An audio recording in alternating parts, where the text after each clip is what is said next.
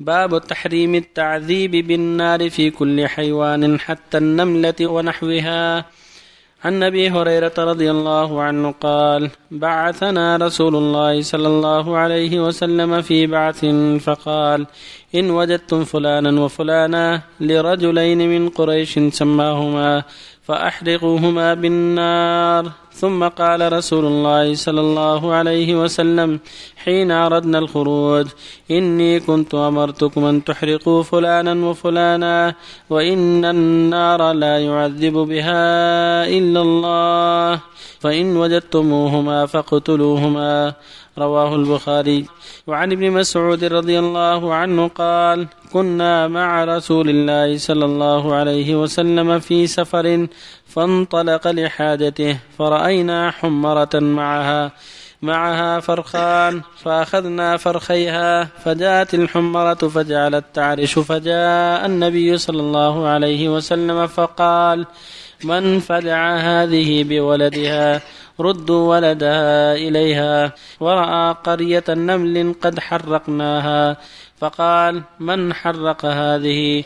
قلنا نحن. قال إنه لا ينبغي أن يعذب بالنار إلا رب النار. رواه أبو داود بإسناد صحيح. بالله التوفيق. الله الحمد لله وصلى الله وسلم على رسول الله وعلى آله وأصحابه ومن اهتدى بهدى أما بعد.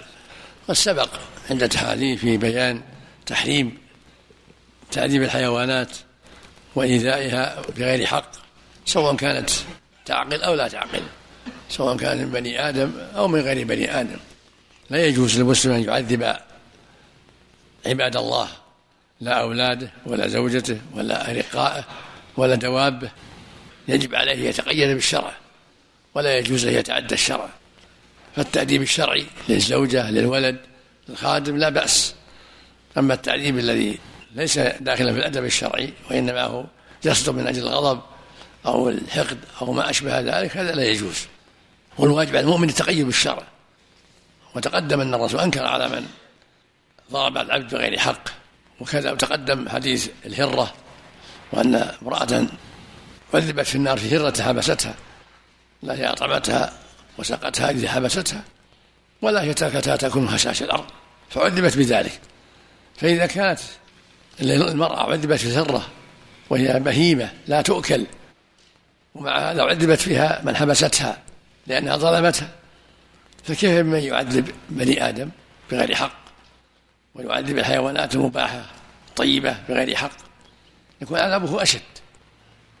وفي هذين الحديثين الدلالة على أنه لا يجوز التعذيب بالنار لا يعذب بالنار إلا رب النار. ولهذا لما أمر بعض أصحابه قال لهم إن وجدتم فلان وفلان فحرقوهما بالنار. ثم قال لهما كنت أمرتهما بكذا فإن وجدتهما فأقتلهما. فإن النار لا ينبغي يعذبها إلا الله سبحانه وتعالى. وهكذا لما رأى قرية النمل قد حرقت أنكر على من حرقها. قال إن رب النار هو الذي يعذب بالنار.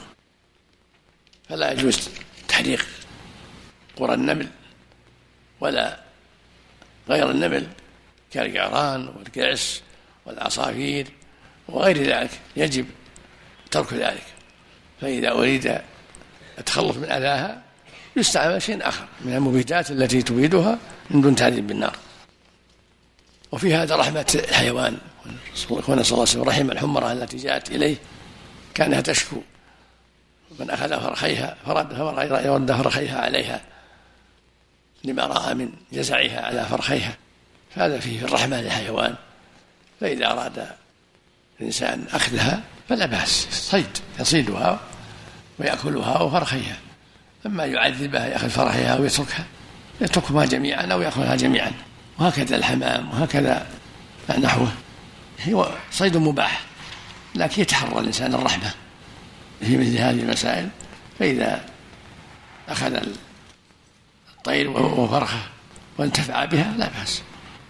أما أن هي يتساهل فيأخذ الفروخ ويخلي الأم لا ما ليس هذا من من الرحمة بل ترك هذا أولى إما أن يأخذها جميعا أو يدعهم جميعا. وفق الله الجميع الله يحسن عمل تحريق العدو بالنار. الكفار. لا ما يحرقون إلا إذا حرقوا. يعني من باب المقابلة. نعم. كذلك المثلى الله يحسن عمل. من باب القصاص كذلك من باب القصاص. علاقتك لكن ترك المثل أولى لقوله صلى الله عليه وسلم ولا تمثلوا. نعم. حتى ولو مثل لو مثلوا. نعم ترك هؤلاء ولا مثلوا. أولى. نعم. الله عليك. حرص على شيعته. نعم. علي بن أبي طالب رضي الله عنه. أحرق شيعته. هي أنكر عليه الصحابة رضي الله عنهم هو من شدة غضبه عليهم خد لهم خادم في النار وعذبهم لأنه قالوا أنت الله والله نسأل الله العافية. من شدة غضبه عليهم. لكن مثل ما قال ابن عباس لو أنه قتلهم بالسيف لكان أولى. وهذا هو الواجب هو الواجب. لأن كلام النبي صلى الله عليه وسلم لا يقدم عليه حد لا كلام علي ولا غير علي. كلام النبي مقدم على الجميع عليه الصلاة والسلام. لو قتلهم بالبندقية أحسن الله إليك العصافير بالبندقية.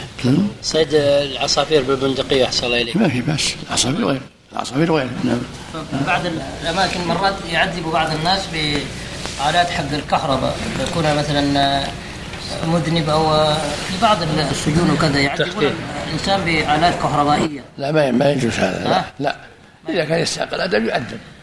مثل ما يقام حد القذف حد التعزير. أما التعذيب بالنار أو آيات كهربائية ما يجوز. أو قتله مثلا في السعد أو تقتل تقتله بتقطيع الأعضاء. إذا قتلته فاحسن قتله الله عليك. هناك آلة كهربائية تقتل الناموس أحسن الله إليك هذا نار سمى نار. ما في شيء ما في مانع. سمى نار ما ما يقتل بكهرباء الكهرب نار أو الكهرب من النار. جزاك الله خير. غير جائز. لا ما يجوز الموجودات الأخرى غير النار. ثم قتل إنسان بالنار بالعزل الظاهر انه الظاهر ان القصاص مستهل لأن الله قال ولكم في القصاص حياة. كتب لكم القصاص بس طب أحسن الله إليك. في فتره الصيف. يكثر النمل أحسن الله إليك. في دورات المياه مثلا لو رش عليها موية أحسن الله إليك. فيها شيء. نعم. لو مثلا تخلص منها بكب عليها. موية أحسن الله إليك. فيها شيء أحسن الله إليك؟ من حار يعني. لا ما عادي أحسن الله إليك. عادي ماشي